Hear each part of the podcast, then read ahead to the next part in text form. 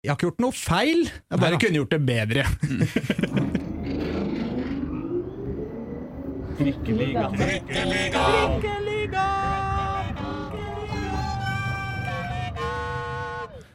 For det var den helga hvor alt gikk bra for Oslo! Vålerenga herrer vant, Vålerenga damer vant, KFUM vant, og Grorud vant, og Skeid vant, og til og med Lyn damer vant! Og hvis du bryr deg om puck, så vant jaggu Vålerenga hockey også. Er det tidenes helg i Oslo-fotballen, Reidar Solli? Nei da, men nesten. Ja, det hadde vært litt mye å håpe på at en sånn random uh, helg Men det, men, men det kan komme en uh, fantastisk helg òg. Kommende helg kan både Vålerenga damer bli seriemester for første gang i historien, og Skeid kan være klar for kvalifisering til for å, ja, for å ta et skritt videre mot Obos-ligaen. Men det var jo helga som kommer, men vi skal vel snakke om helga som var. Ja, vi skal vel Og så må det vi snakke om også men, men, men vi må si hei til Håkon Thon også. Hei, hei, Håkon. Hei, hei, hei, hei. Hei, hvordan går det? Ja, bra. Ja, Har du vært i Alta i helga? ja. ja. Truger opp, ski ned. ja. ja, det er lettest, det. Ja. Ja. Nei, men så bra. Hva var det du, hva var det du sa for noe, eh, Reidar? Eh, Jeg sa at eh, vi har hatt en fantastisk helg, og at det kommer til å bli en, kan bli en fantastisk helg. Ja.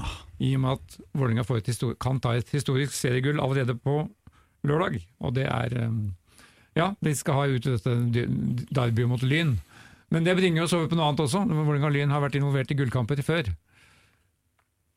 Ja, de har jo Ja, det er det de har. Og Beklager, jeg bare måtte se på opptaket fordi det var noe rart. Jeg, jeg, jeg la albuen min på, på tastaturet. Det er, så mange, det er så mange distraksjoner i studio i dag. Blant annet det. det Plager det deg at jeg sitter naken, Aslak? Nei da, det går greit, Ja. men det der arret i panna på Reidar Solli, jeg lurer på hvem eh, du har skalla ned i helga? Ja, det var de vanlige hodeduellene, som kommer sånn av kveld. Sånn er det bare. Ja, men det er godt å høre. Nei, men ja, eh, tide, på denne dag så skjedde det noe, eh, noe fint og rart, eller dumt. Ja, for at når, det først er så veldig eh, stor medgang for alle disse lagene, så tenker jeg vi spoler bare kjapt tida tilbake 16 år. 2004, hvor gammel var du da, Håkon? Da var jeg 14. Fantastisk.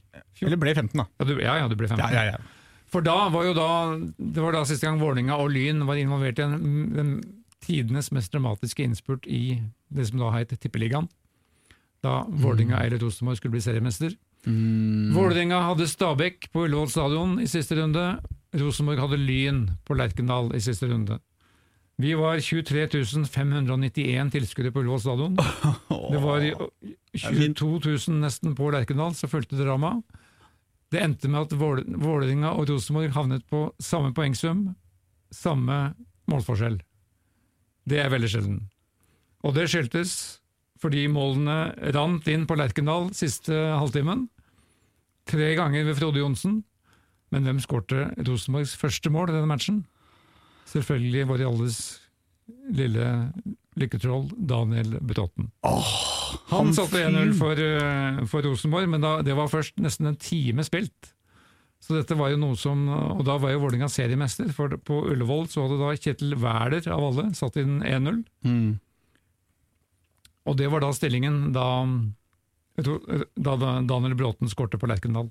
Og så balla det på seg. Frode Johnsen hamra inn tre mål for Rosenborg. Erik Hagen svarte på Ullevål med å skåre. Eh, Daniel Fredheim Holm eh, skårte Vålerengas tredje mål sju minutter før slutt. Dette var også, de spilte som sagt mot Stabæk, og det var jo også en følge her. Stabæk gikk ned, rykka ned pga. tapet på Ullevål. Og så kom da, så da trengte Vålerenga ett mål til, etter at Rosenborg hadde gått opp til 4-1 på Lerkendal. Og så kommer Morten Berre aleine med keeper. Og dagens assistenttrener i Skeid blir minna på den like ofte som Fred og Santos blir minna på straffa som han bomma på. Mm. Rosenborg vant 4-1, Vålerenga vant 3-0. Gull til Rosenborg på 48 poeng pluss 18 mål. Sølv til Vålerenga 48 poeng pluss 18 mål, men færre skårede mål, som de da tapte gullet på. Oh, jeg husker jeg sto på Ullevål jeg, på den kampen der. Uh, og det som var spesielt med den sesongen der Vålerenga hadde jo to helt motsatte sesonger etter hverandre. For dette var 2004, og Vålerenga vant jo i 2005. Og da var Vålerenga helt ekstremt bra i vårsesongen, men helt ekstremt ræva i høstsesongen, og vant. Men i 2004-sesongen så var Vålerenga helt middels eh, gode i vårsesongen, men så kom Arne Gauter Arason og Steffen Iversen i sommervinduet, tror jeg. Og etter det så var altså Vålerenga så ustoppelig gode, og vant og vant og vant og vant. Og vant. Og så kommer man altså til den der siste avgjørende kampen på Ullevål, og det, det, og, og man vinner liksom Man knuser Stabæk! Jeg lurer på om det var Stabæk som på den, eh, på den kampen også til og med hadde, med, hadde ferdiglagd et eget banner i tilfelle de kom til å tape, hvor det sto 'Anyone for cricket' eller noe sånt.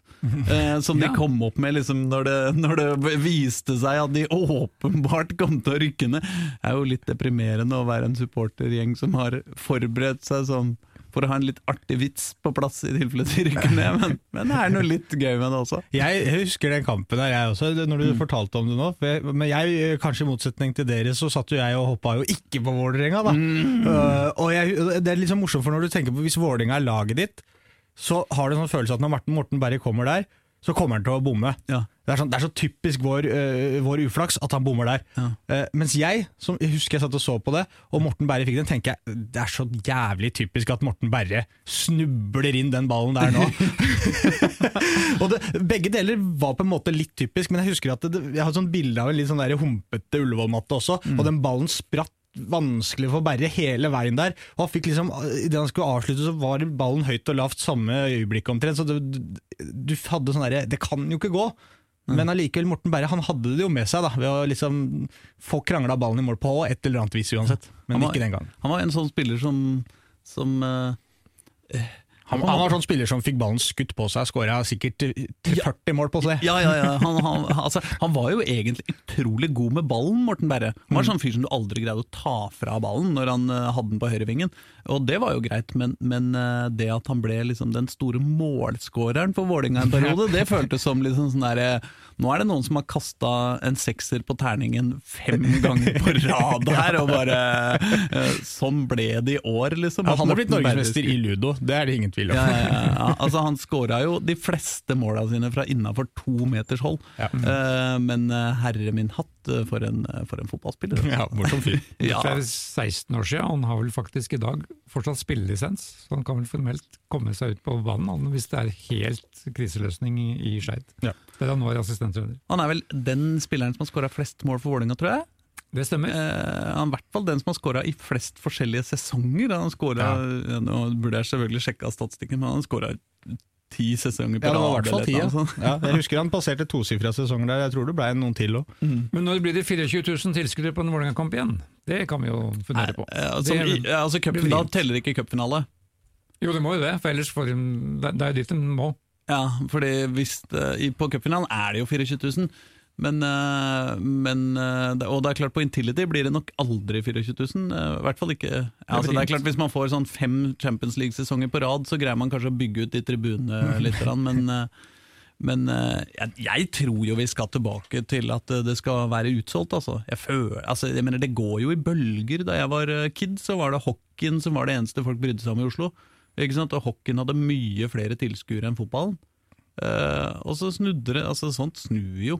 Ja da. Uh, og det er klart at uh, Jeg tror jo at det viktigste som har skjedd der, er jo at uh, eh, internasjonal Eller andre ligaer har blitt innmari store i Norge, liksom. Og at folk ser spansk fotball på TV, og, og engelsk fotball på TV, og tysk og italiensk og, og alt mulig. Og så er det så mye superfotball på TV at folk prioriterer den lokale fotballen ned.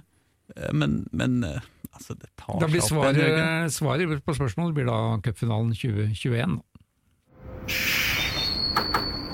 Neste stopp Nordre Åsen. Og jeg lurte på om vi kanskje skulle begynne i Alta, ja, Håkon? Ja, hvorfor ikke? For der har jo du vært ja. på langtur, eh, må det være lov å si. Og du som ikke har bil engang. Det er jo, det er jo tøft å komme seg opp dit. Det er Veldig tøft, men altså Det er derfor du ikke har vært problem. Det er derfor du ikke har vært på sending de siste to ukene, fordi Ja. du var jo Ja, ja. gikk på truger nordover. Ja, Nei, jeg klager ikke. Det er ikke noe problem å traske opp til Alta og få med seg, i hvert fall når det ble en så fantastisk eh, god kamp da, for, eh, for Skeid. Løste det veldig bra, syns jeg. der oppe. Det var veldig underholdende kamp. Det var bra med, bra med nestenmuligheter og en god del sjanser også til, eh, til begge laga. Bølga fram og tilbake, og så var det Skeid som til slutt klarte å få det ene målet da, som gjorde at de tok med seg alle tre poengene fra den eh, kampen, og har satt seg da i, uh, i førersetet. For å eh, Kjøre hjem igjen til Oslo. For å kjøre hjem til Oslo med alle tre poengene, og da også førersetet for å komme seg til denne eh, kvaliken, da. Denne opprykkskvalikkampen mot eh, ja, Vi får se hvilket lag det blir ennå. Det blir jo en kamp da mot eh, andreplassen i den andre, divi, andre divisjonspulja, men de må jo først klare dette her, da. Men de kan gjøre det allerede på søndag, som, eh, som Reidar var inne på i starten her. Mm. Litt avhengig av kampene som går på lørdag, men hvis resultatene er med dem der, for da møter FFK Alta, og Hødd eh, spiller hjemme mot Brattvåg. Mm. Hvis Brattvåg og FFK vinner de to kampene, og Skeid vinner på søndag, så har de sikra andreplassen med to kamper igjen. De sitter, de sitter veldig godt i det nå, Skeid. Alt tyder på at Skeid kommer til å få en opprykkskamp, Ja. og da er det én kamp. Mm, Nei. nei. Å nei, det er en ny, ny sånn, sånn nytt uh, jeg, jeg, jeg føler jeg spør om dette om og om igjen hver eneste uke. først, Først to kamper mot laget som blir nummer to i den andre avdelingen, som Så? per i dag kan bli Vard Haugesund eller Asker. Mm. Uh, og så, vinneren av den, opp, de to kampene, møtes da, møter da Grorud. tredje siste laget i Obos-ligaen, som per i dag er Grorud, Ja. i to kamper i desember.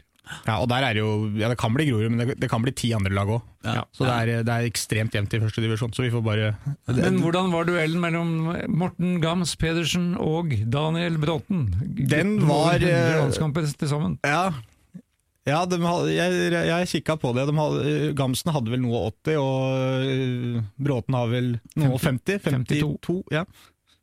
Så det var jo godt over 100 landskamper utpå der, ja. Men det var øh, merkbart at det også var noen år siden, da. Det er 39 år gamle Gams Pedersen mot 38 år gamle Daniel øh, Bråten. Det var det er noen år siden de var helt på topp, men de har jo også fått begge litt sånn nye, nye roller. Altså, begge var jo opprinnelig kantspillere. Eh, nå er jo Gamsten flytta inn sentralt der og er jo mer en playmaker-type, mens Bråten i dag, nei, på, denne gang spilte han eh, på bekk, eh, Reidar. For Nei. dette vet jeg at du er opptatt av, hvor Daniel Bråten skal spiller hver kamp. Nå var det bekkplass. Og han hadde en fantastisk blokkering, blant annet, eh, på en god Alta-sjanse. Og Det er litt sånn morsomt å se Daniel Bråten, som liksom ofte blir betegna som litt sånn lat og ikke alltid gidder å gjøre den innsatsen. Men når han spiller på bekken, så gjør en bekkmanns jobb og nede og blokkerer og gjør det godt, Daniel Bråten fremdeles. Så vi kan vel si at Bråten vant duellen, da. Men du har blitt eh, korrigert på, eh, på, på Twitter av eh, jeg regner med Skeid, Skeid-supporterne, som, Ja. som sa altså, Eller kanskje ikke du, vi. Mhm. Uh, altså, eh, det blir i hvert fall eh, påstått at, at Daniel spilte, spilte midtstopper mot Kvikk Halden. Ja, det var back. kampen før. Ja. Nå ja, spilte ja, han ja, back. ja, ja, mot Kvikk Halden, men Ja, ja. Vi, det, ting tyder på at vi kan ha gjort den katastrofale vurdering å påstå at han spilte back eh, i forrige kamp mot Kvikk Halden, og det må vi i tilfelle legge oss Lang paddeflat! ja, lang padde, lang paddeflat flat på. Ja, ja. Nei, men hvor eh, Ja, eh, hvor var vi, holdt jeg på å si? Ja, vi var i Alta. Ja. Uh,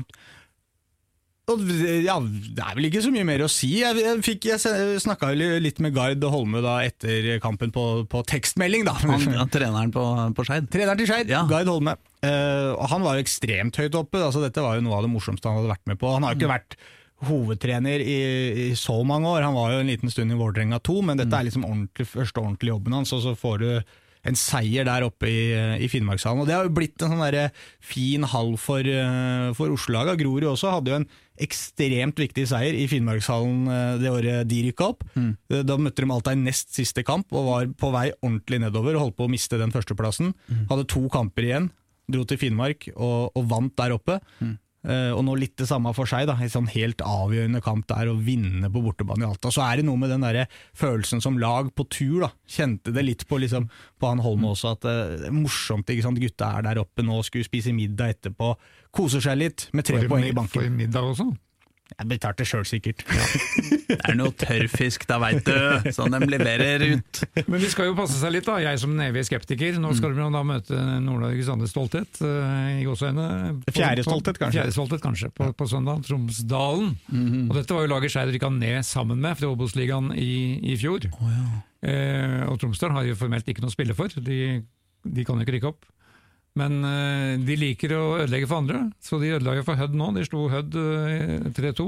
Mm. Og det er klart, de, også, de reiser ikke til, til Oslo for å gi Skeid noe gratis, så de, de, de vil gjerne ødelegge for Skeid i, i Valhall også. Så, men det virker som Skeid er i den flytsonen nå, som, eh, så jeg, jeg tror de tar dette her. Ja, og du kan, eh, altså Uavgjort der eh, også mot Tromsdalen isolert sett er ikke noe, er ikke noe dårlig resultat. eller Skeid må ikke i hvert fall De trenger ikke å ofre alt for å få med seg noe der. Det, det gir dem litt mer spillerom, da. Og så er det en liten puss, vi må nevne det også, det er jo siste hjemmekampen til det laget som ikke har hjemmebane. Men Ja. nå spiller de nå for siste gang i Valhall.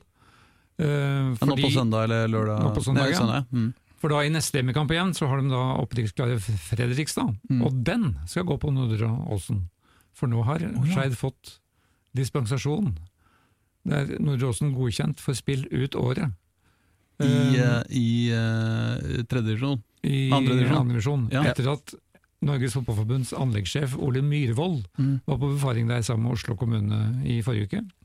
Så sa han ok, uh, Skeid kan spille uh, fullføre andredivisjon på Nordre Åsen, men også han kalte jo dette, denne banen for et lappeteppe, og er ikke i nærheten av å bli godkjent for Obos-ligaen neste år, hvis Skeid skulle rykke opp. Men de kan få, få fullført sesongen på et vis. Men hvis Skeid skulle gå videre til da, enda kvalikkamper i desember, Mm. så er det et helt åpent spørsmål om, eh, om hvor, hvor de kampene skal gå hen.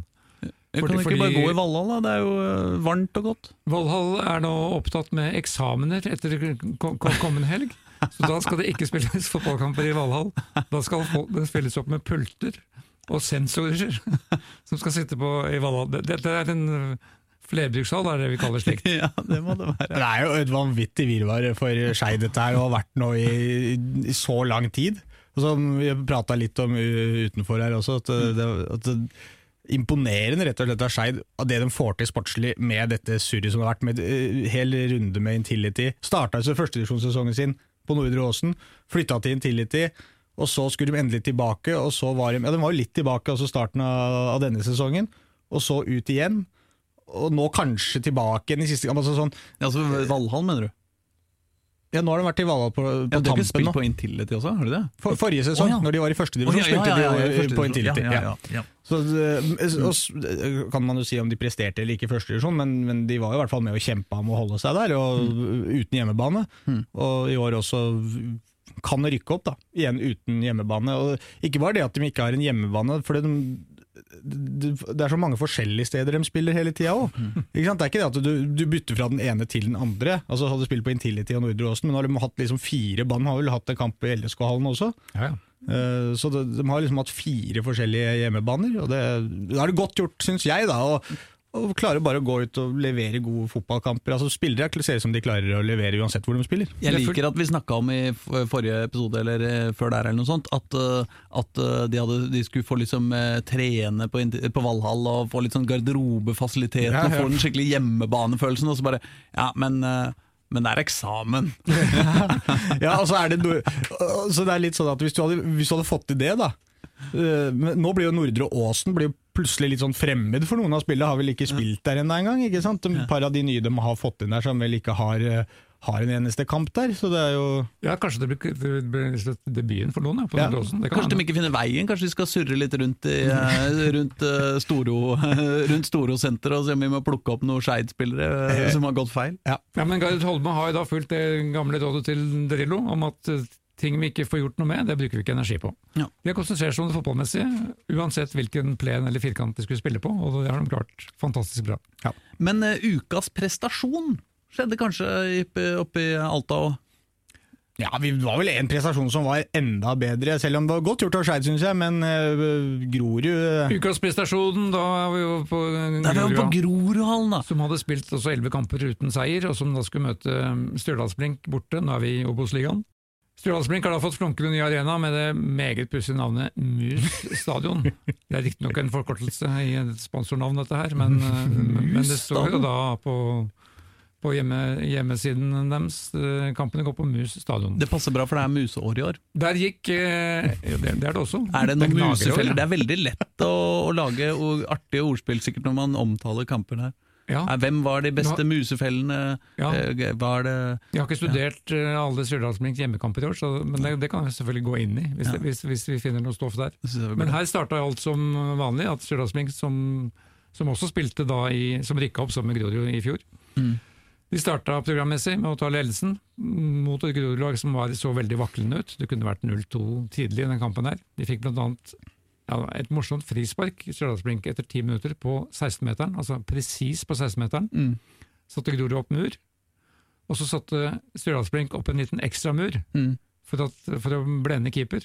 På, øh, på sida eller bak den andre? Nei, rett ved siden av Ja. Groruds mur. Mm. Og så, så skulle skuddet komme rett mot krysset, Mm. og så klarte selvfølgelig ikke den. Blink-spilleren å komme seg unna. Så det gikk rett i pæra til han som sto der fra Stjørdalsblink. Også en egen frisparkvariant. Men det da Grorud, og så snudde de kampen gjennom en, et fantastisk kvarter i slutten av første omgang. Mm. Og da er eh, ukas høydepunkt eh, frisparket til Preben Mankovic, en av Oslo-fotballens virkelige legender. Mm. Eh, han fikk da frispark fra 35 meter. Alle forventa innlegg inn i boksen. Alle, alle spillerne stilte seg opp som, for å ta imot et innlegg, Mm. inkludert keeper. Mm. Dette så Preben. Eh, prøvde å skyte veldig hurtig og kjapt i det nærmeste hjørnet, i håp om at keeperen ikke skulle rekke fram. Og det var helt rett. Veldig deilig å se en slik ball gå inn helt inn ved, ved stolpen, og en fortvilt keeper som skjønner i det skuddet gikk at her har han dumma seg ut, Ja. men rekker ikke fram. Det er, det, noe, det er jo noe øh, så morsomt med sånne Fordi Som seer på TV også, så får du en sånn følelse idet han øh, skyter der. Så er det så mange forskjellige tanker som går gjennom hodet ditt før den ballen er i mål. Det første du tenker er hva i all verden er det han driver med? Altså, hvor- hvor skal den ballen? Og så skjønner du at å ja, den er, det er bra fart i den, Klem han har gått for skudd. Og så ler du litt lavt for deg selv, fordi du tenker at det går jo ikke. Og så ser du keeperen, som står helt borte i andre hjørnet. Og så tenker du jo, kanskje den kan gå inn likevel. Og så sniker den seg inn. Og det er jo sånn veldig, det er så mange tanker du tenker før den ballen er i mål. Det går jo lynkjapt i hodet, da, for så vidt. Ja, ja. Men, men Ja, altså- alle de tingene tenker du jo. Det huet ditt, eh, Håkon, der er berg-og-dal-bane litt raskere enn oss andre. Jo, men når, når du har et frispark der, som du sier, alle forventer et innlegg, ingen som skyter derfra, og så tror du kanskje først Kanskje han bomma, rett og slett. At det bare, men, så ser du at det, ja, men så ser du at det er så bra trøkk i, i, i ballen at det, nei, han har skutt. Mm. Og så ler du, som sagt, og så ser du keeperen, og så er det, så er det Preben som ler. Så må vi nevne familien Mankowitz. Da. Altså, Preben har jo pendla mellom Skeid og Grorud i alle år. Mm. Akkurat nå spiller han i Grorud, heldigvis for Grorud. Men så er det broren hans, Kevin, som spilte på Skeid i fjor, selvfølgelig. Mm. Nå spiller han i Grorud, og han hadde jo da målgivende til eh, 3-1, var det vel. Ja. Eh, hvor da eks-VIF-spiller Thomas Elsebutangen eh, kom på skåringslista. Han fikk starte fra topp, på topp denne gangen, istedenfor Oskar Jaga. Men Kevin Mankowitz og Preben Mankowitz de preger dette, de er veldig viktige for Grorud. Og så har de da i tillegg faren sin som assistenttrener til Eirik Kjøne. Så stor helg for familien Mankowitz. Neste stopp, Ekeberg. Hvordan gikk det med Koffa i helga, da? Seier. Seier Vil du ha mer? Mansour Geie, Hjørnespark. tidligere Skeid. Selvfølgelig matchvinner for første gang i sin karriere. Oh, ja. Med bandasje på huet. På en søkkvåt uh, Hva heter den der levermyr? Er det den heter? Levermyr, ja. Ja. Levermyr? ja, stadion til Jerv. Altså, vi, vi har, Det er i altså, Grimstad. vi, Oslo- Oslo-laget har spilt mot mus og, nei, på mus og levermyr. Ja. Eh, Men, men, men jeg bare så den, jeg så litt på den kampen, og det bøtta jo ned der nede. Uh, og på gressmatte der nede, som var, så ganske tung ut. Mm. Eh, så, så ikke som noe drømme, drøm, drøm for KFUM, det, men den viser jo da at de kan også straffe motstanderne sine på, på hjørnespark. Da. Det er jo på en måte ikke der de har vært kanskje aller vassest, selv om de har jo bra med, med hodestyrke, men de ikke, det er ikke det de øver mest på når det kommer til å skåre mål på Ekeberg. Men uh, viser at de har det òg, det var fint for Jørgen Isnes. Men har en veldig flyt, da. Og så ser jeg at Jerv-trener Arne Sandstø eh, dagene etterpå har lagt ut på Twitter alle episodene der han mener Jerv skulle ha straffespark. Ja. Tørre tilbakemeldinger fra Jørgen Isnes, K5-treneren. Men eh, denne kampen er jo historie. Men eh, Ja, Hva sa du for noe, at Isnes hadde kommentert på dette her? ja da. Han var litt det er jo tilbake. det legges ut på Twitter hele tida, med Svein Arne Edvardsen som hoveddommer hele tida. Som er helt enig i at jeg skulle hatt noe straffespark. Ja. Men det ble det ikke, for KFM er inne i en historisk flytsone, og som bringer dem inn i, i posisjon til å spille enda en kvalifisering for opprykk til Eliteserien. Ja, De ligger vel på Men sjette nå det jo, mens vi, nesten mens vi snakker, så er det jo ny runde igjen. da. De, de Ja. spiller jo hele tida. Så Ja. nå skal de med HamKam og Kjetil Rekdal på onsdag på, på Ekeberg. Ja, det er to ganger i uka med Og- Obos-ligaen om Og dagen. og disse kampene, pga.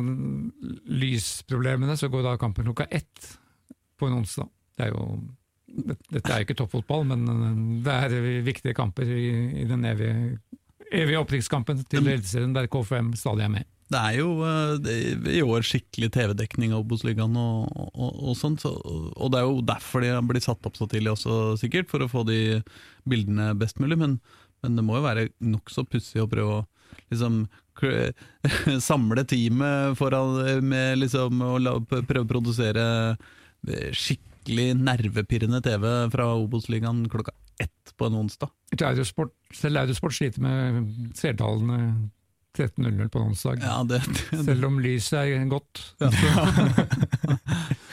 Men det det- er da, ja, eh, som sagt, HamKam kommer til, til Lekeberg under en eh, som vanlig interessant Kjetil Rekdals ledelse, mens Mm. Grorud vel har eh, De har jo hjemmekamp i morgen, dem også.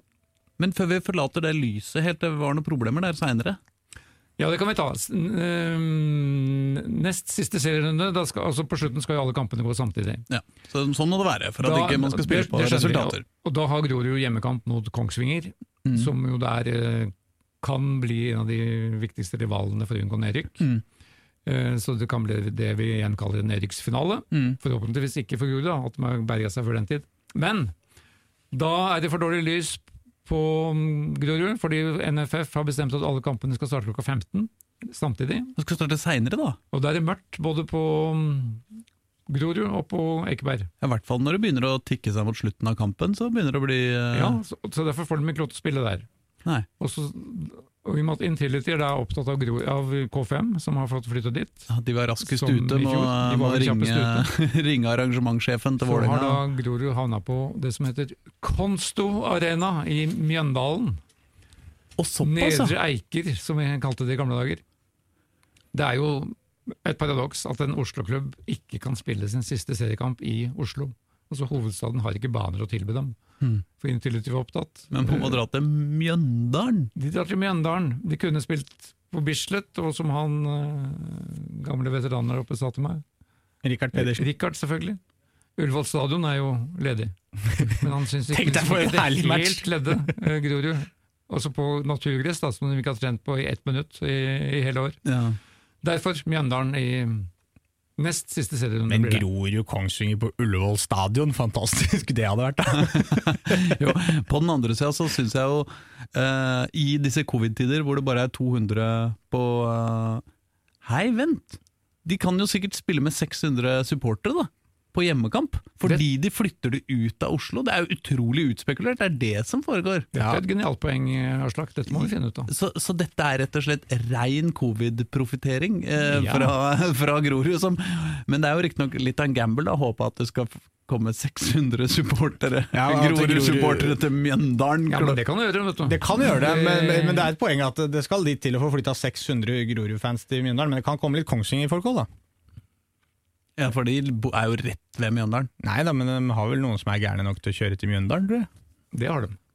Kongsvinger eh, Ja, ja, dette kommer vi tilbake til. Ja, dette, dette, dette skal vi til bunns i. Dette må vi finne ut av nærmere. Grorud har forresten Strømmen i neste. Selvfølgelig. Viktig match, det òg. Jeg tror for øvrig kanskje at, eh, at økonomien i det neppe går i pluss for Grorud, sjøl om de kanskje får inn eh, 400 ekstra tilskuere. Så tror jeg at gjetter jeg på at det- Konsto Arena koster mer enn en de penga. Samme det, vi må videre! Neste stopp Valle. Da tror jeg kanskje vi skal dra til Intility. jeg. Der har jo. Vålerenga spilt mot Lillestrøm i det som vi for eh, noen måneder siden tenkte at kanskje kom til å bli seriefinalen i toppserien i år, men det blei det jo ikke. Det er deilig å høre at du sier Lillestrøm istedenfor LSK kvinner, som det står på i alle offisielle oversikter. Jeg har aldri skjønt den eh, betegnelsen av et fotballag. LSK kvinner, det er ikke VIF kvinner. Nei, Altså, det heter vel til og med FK Lillestrøm kvinner. Eller altså, det er LSK kvinner det, det, det er Lillestrøm kvinner elite, eller noe sånt, tror jeg det Ja, det noe- Nei, LSK kvinner LSK kvinner heter det, Ja. kort og godt. Ok. De vant 4-2, meget fortjent, og kanskje en av de mest beste kampene offensivt Vålerenga har eh, prestert i år. Hvor eh, mitt høydepunkt var den første skåringa. Den, eh, hva skal vi kalle den skåringa hvor du tar en ball som kommer bakfra og lander i feltet, og du tar den på en slags mellomting av skliende volleyskudd. Mm. Jeg tenker på Synne Jensens Ja. eh, skåring til, til 1-0. Det var meget elegant. Jeg følte det var sånn Erling Braut Haaland-skåring. Det er sånn hvor du, hvor du får et bra innlegg, og du får den på halvvolley eller helvolley, eller et eller annet sånt, og du bare må ha den inn på rein vilje. Og det banka hun inn Synne Jensen. altså Det var herlig. Men det som var spesielt med det opptakta til, til den kampen, her, er jo at Vålerenga kanskje for første gang i år benker toppskåreren sin, uh, Ayara Njoya. Uh, og også liksom den andre profilen, Celine Ildus eh, Høy, som også er så stor stjerne på laget. Men hun har på en måte vært litt fram og tilbake. Men Ayara starter på benken. Uh, hun er jo toppskåreren til Vålerenga, og så ender Vålerenga opp med å vinne med å skåre fire mål i, i en kamp hvor de har benka toppskåreren sin. Det, det er jo ganske Ja, og alle målene kom da med fire forskjellige, fire forskjellige målskårere. ja, Så kom jo Ayara inn og satt den fjerde, da, på Ja. glimrende vis. Fra, på en glitrende pasning fra Sherida Spitze, kapteinen. Mm. Mm. så, så dette var en veldig godt gjennomført kamp av Vålerenga, som følge, som følge av dette kan bli seriemester allerede kommende helg, hvis, hvis Rosenborg skulle tape sin kamp. Mm. Så er Vålerenga mester hvis de slår Lyn på Kringsjå. Men Lyn har jo vunnet alt de har spilt i siste Altså Lyn har vært det så dårlig lag uh, i toppserien i år, og tapt og tapt og tapt. og tapt. Men akkurat nå på slutten så har de plutselig gått opp for dem at de kan risikere å rykke ned. Så har de vel vunnet Unnskyld, vunnet tre på rad, har de ikke det? Altså, Jo, det slår Røa nå, nå sist lørdag, på det som vi kalte en uh, nedrykksfinale. Ja. Eh, Camilla Lindberg, toppskåreren deres, kom ikke på skåringslista den gang, men hadde målgivende på alle tre skåringene. Og igjen viste Lyn offensive kvaliteter på et slikt nivå at selv Vålerenga må passe seg for det. Ja. Så det, dette er en liten tue for eh, VIF, men uh, på den annen side det har vært veldig morsomt om de ble seriemestere på Kringsjå, av alle steder. Ja. Um, så lørdag klokka ett er det vel dette her skal foregå. Jeg bare Eh, fant her kjapt her nå at Lyn faktisk er det tredje beste laget i toppserien nå de siste fem kampene. Ja. Det er kun, eh, kun Rosenborg og Vålerenga som har tatt mer poeng. Lyn har tatt ti poeng på de Mm. siste fem. Rosenborg er elleve og Vålerenga har elleve. Ikke sant? Vålerenga har da ett poeng eh, ledelse til eh, Rosenborg, og det er jo selvfølgelig en helt uh, ubrukelig på en måte ledelse. Det betyr at man må, man må vinne, da. Må de, vinne. de to må- siste kampene, eh, og det er jo eh, Det skal jo på en måte kunne gå, men det er jo lett å snuble også, for Rosenborg har jo hatt en utrolig god eh, høst, de også, Ja. og tar skikkelig innpå. De må slå Lyn, de må slå Arna Bjørnar i den siste, på Intility. Og så har de jo oppi dette her også da mesterligakvalifisering mot Klaksvik I dag? i onsdag kveld, ja. Nei, helg i dag, da? Nei da, det er onsdag kveld. Oh. Jeg har akkurat, akkurat akkreditert meg, så jeg håper det er riktig. Ja, for Jeg var akkurat inne og sjekka, og da så jeg at det var tirsdag. Og jeg ble forvirra, for jeg trodde det var onsdag, så det er sikkert uh, du som har rett. altså. Som Fuglafjord-supporter så håper jeg selvfølgelig at Vålerenga tar den og Klaksvik får svi litt. Ja, Som Klaksvik-supporter, men tross alt uh, en god del hakk mer uh, Vålerenga-supporter, så håper jeg vel at eh, Klaksvik eh, får eh, svi og blir, må, må reise tilbake til eh, Det er vinn-vinn for deg, da. Tap-tap for meg. Jeg er litt misfornøyd. Johan. Nei da, det er jeg ikke. Jeg vet ikke om eh, kvalifisering teller, men kan dette bli første gang Champions League-fanfaren skal lyde over din tillit til Arena? Det kan jo hende, men jeg er usikker på om kvalifiseringskamper teller. Dette får vi svar på i morgen.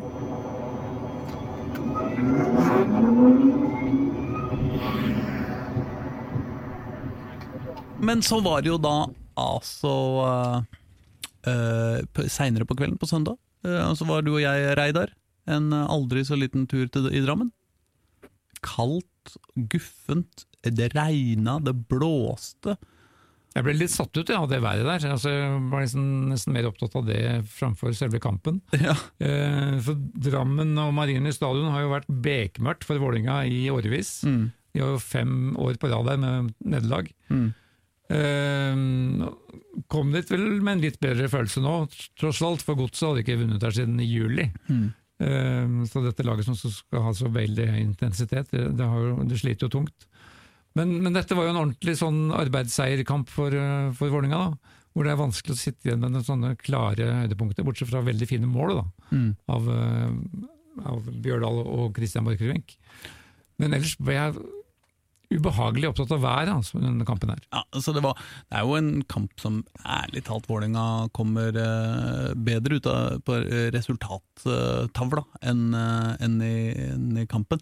Men det jeg syns var litt interessant, er at vi diskut, satt jo her i forrige uke og, og, og slang med leppa over Vålerengas eh, eh, overgangsspill. Og eh, manglende evne til å ta overgangene når de byr seg. Eh, Så da er det jo litt gøy da at andre målet Og særlig snakka vi, jeg i hvert fall, da, snakka kanskje litt om Osame Sarawi, og at han hadde en tendens til å snu seg og vende opp istedenfor å spille den eh, åpne ballen mot Aron eller, eller Ørnen, som har mye plass å løpe på, men altså mot eh, litt ut i andre omgang her. Det var vel Claesson som redder en eller annen corner eller en halvsjanse til eh, Strømsgodset. Kaster kjapt ut Osame Sarawi på venstresida, som avanserer framover. Du ser Kjartansson løper til venstre og går på et løp. Det går an å spille her, men det er litt tynn, så han spiller isteden inn i banen til uh... Aron, Aron? Nei, det var ikke Aron. Det var en mellom der, skjønner du. Jeg husker ikke. Uh, han går videre til uh, Aron Dønnum ute på høyresida. Det går fortsatt ganske fort, men han stopper opp litt, sånn som det hender han gjør når han skal drible litt. Og så tror vi at han skal eh, Og nå skal Aron kaste bort ballen og drible seg i hjel, men det han gjør, er jo alltid å vente på Christian Borchgrevink sin overgang på høyresida. Kommer en perfekt ball til sida han går inn, og se, altså Det er, det er en veldig, veldig fin overgang. Ikke sånn helt sånn løpeballaktig som uh, man noen ganger roper på når man er supporter og liksom 'spill på han som løper foran', men en bra avgang som sitter i mål. Og når vi kjefta litt på dem i forrige uke for det, så er det hyggelig da å høre at uh, Eller på en måte, vi skjønner jo det, at uh, Dag Eilev nihører på Trikkeligaen og tar våre analyser til følge.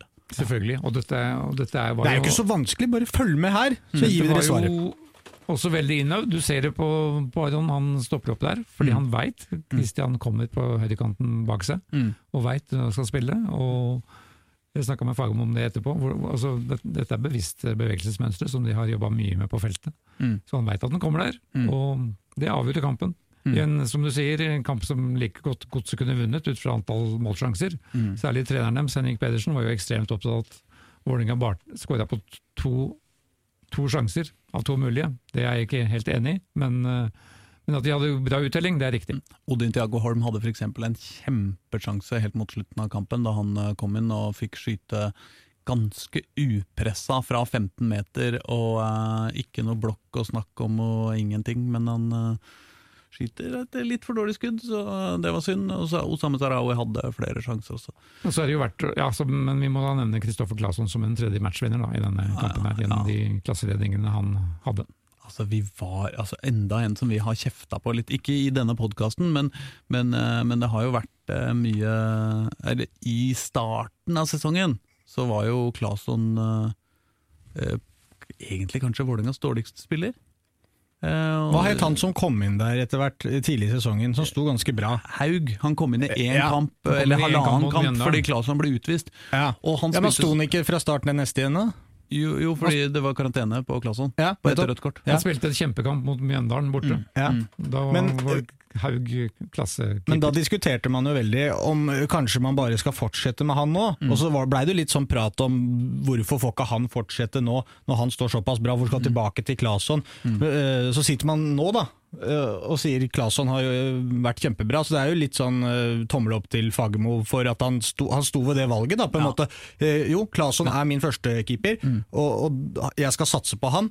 Og det får han betalt for nå, det var jo det som var tanken hans også da. når Han Han så jo det samme som alle oss andre, at det, jo kanskje akkurat nå så ville det vært mer fornuftig å, å spille fortsette med Haug, men hvis Claesson, som jeg har mest tro på, skal uh, nå potensialet sitt, så er han nødt til å få eh, for, eh, forstå det, at han er den førstekeeperen som jeg vil satse på. og Da får han den tryggheten, og så blomstrer det litt utover. og Så sitter vi her nå og snakker om liksom hvor bra han var, og så glemmer man litt å se tilbake at ja. faktisk, dette var et bevisst valg av Fagermo. Ja, for den diskusjonen var jo aldri i Fagermos hode. Altså Før sesongstart. Vi ville jo gjerne ha den diskusjonen, men Fagermo ville Nei, på han bare avfeide det. Claesson var førstekeeper. Kunne gjøre de tabbene han kunne. Han måtte bygges opp, og nå ser vi effekten av det. Ja, det er utrolig imponerende av Dag Eilev. Altså, fordi, altså, Claesson var jo Han hadde jo svære tabber i hver eneste kamp i starten av sesongen. Det var jo sånn der, Det var jo sånn eh, ja, så matchavgjørende eh, tabber om og om igjen. Han spilte ut rett i beina på motspillere, han bomma på innlegg. Han gjorde de med, altså Det var helt håpløst!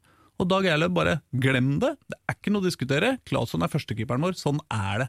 Og, og, så, og så får han den Nå har jo ikke Claesson gjort en feil siden juni. Altså Han er jo, altså, han er jo helt prikkfri. Men å få den tryggheten, den skaper jo selvtilliten. Og det ville jo vært det samme hvis jeg hadde he- kon kontinuerlig skrevet elendige saker til avisa. eh? Og, og, og fikk masse kritikk fra alle hold, fra alle klubber som var involvert i sakene mine. Men Reidar bare sto ved det og sa nei, Håkon han har jeg kjempetru på. Ikke sant? Og etter hvert da så vil jeg jo ok, ja men eh, da vil jeg bare justere litt på dette her, så alt blir riktig, og så kanskje det blir bra til slutt. Og så får du Selv om, du betalt. bommer, selv om du bommer på NO og enda, som alle, alle i Norge gjør, så vi mister ikke troa på Håkon. og Han blir jo bare bedre og bedre. Og som for eksempel når jeg skrev sist gang jeg skrev om Alta, jeg skrev jo om kampen Alta-Skeid som dere har fått med dere nå, da klarte jo jeg da å skrive at nordlendingene uh, scora eller et eller annet, ikke sant? Da og fikk fikk, eh, eh, en del tilbakemelding på det at eh, vi er ikke nordlendinger, eh, vi er finnmarkinger.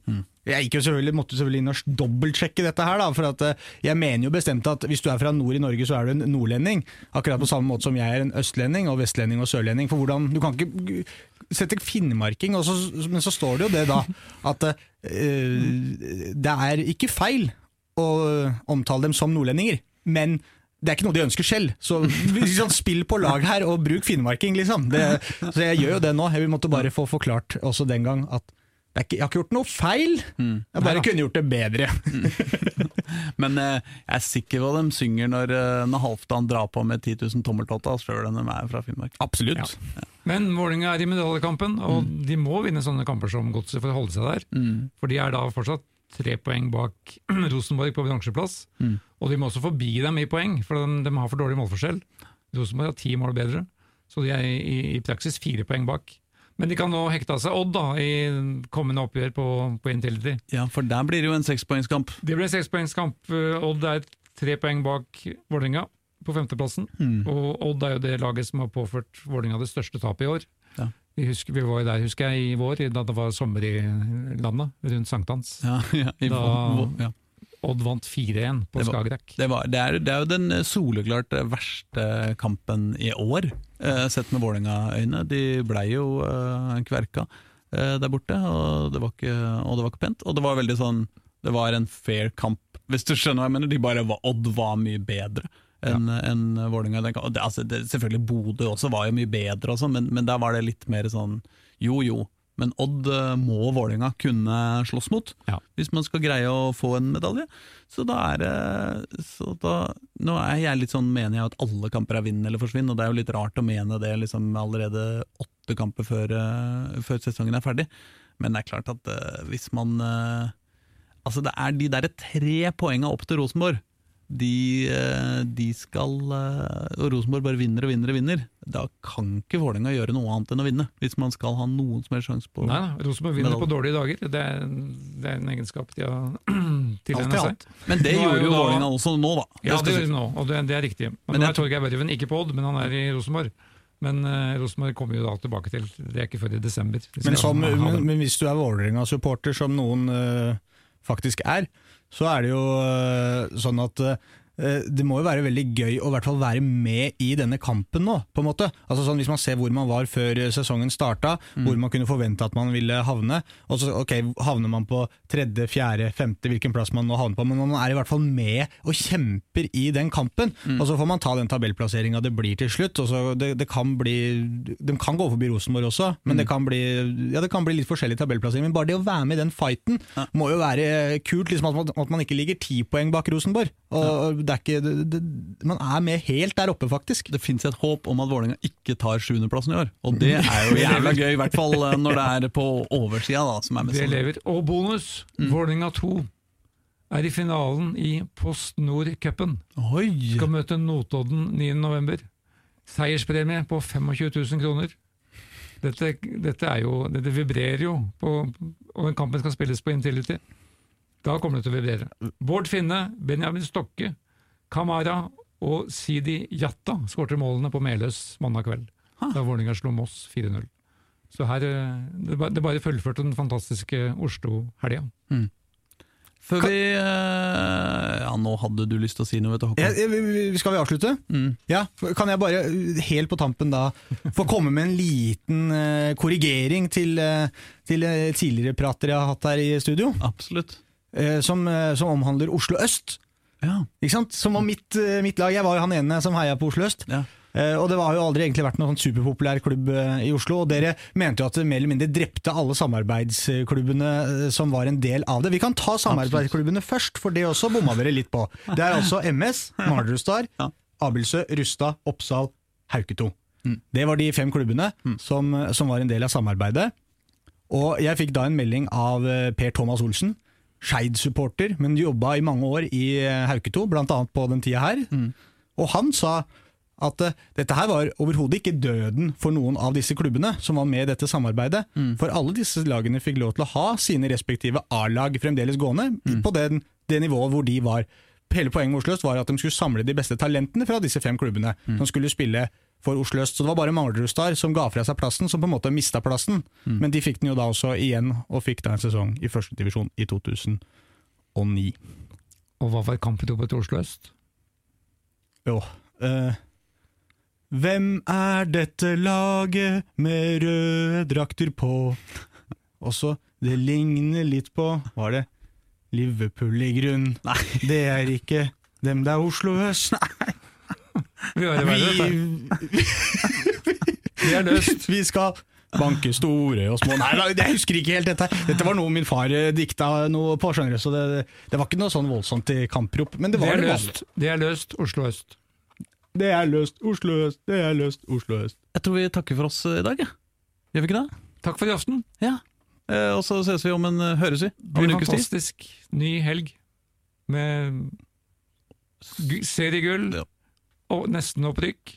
Eh, Medalje. medaljekamp. Ja. Sa, sa, sa! Og så starter Danny-sesongen, men det tar vi en annen gang. Det, det, tror jeg, det tror jeg det må være en helt annen podkast som tar seg av. Er det greit?